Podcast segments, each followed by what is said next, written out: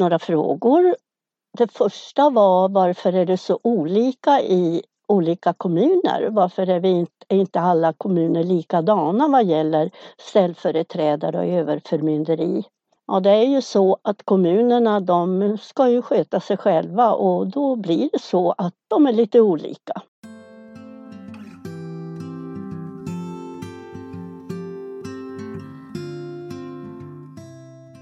Och vad gör man när huvudmannen behöver kontanter?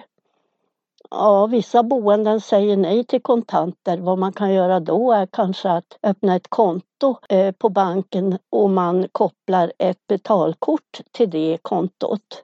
Och så sätter man in en månatlig summa som gäller för huvudmannen. Så får de som sköter om huvudmannen använda sig av det kortet och handla mat och kläder och hygienartiklar och så.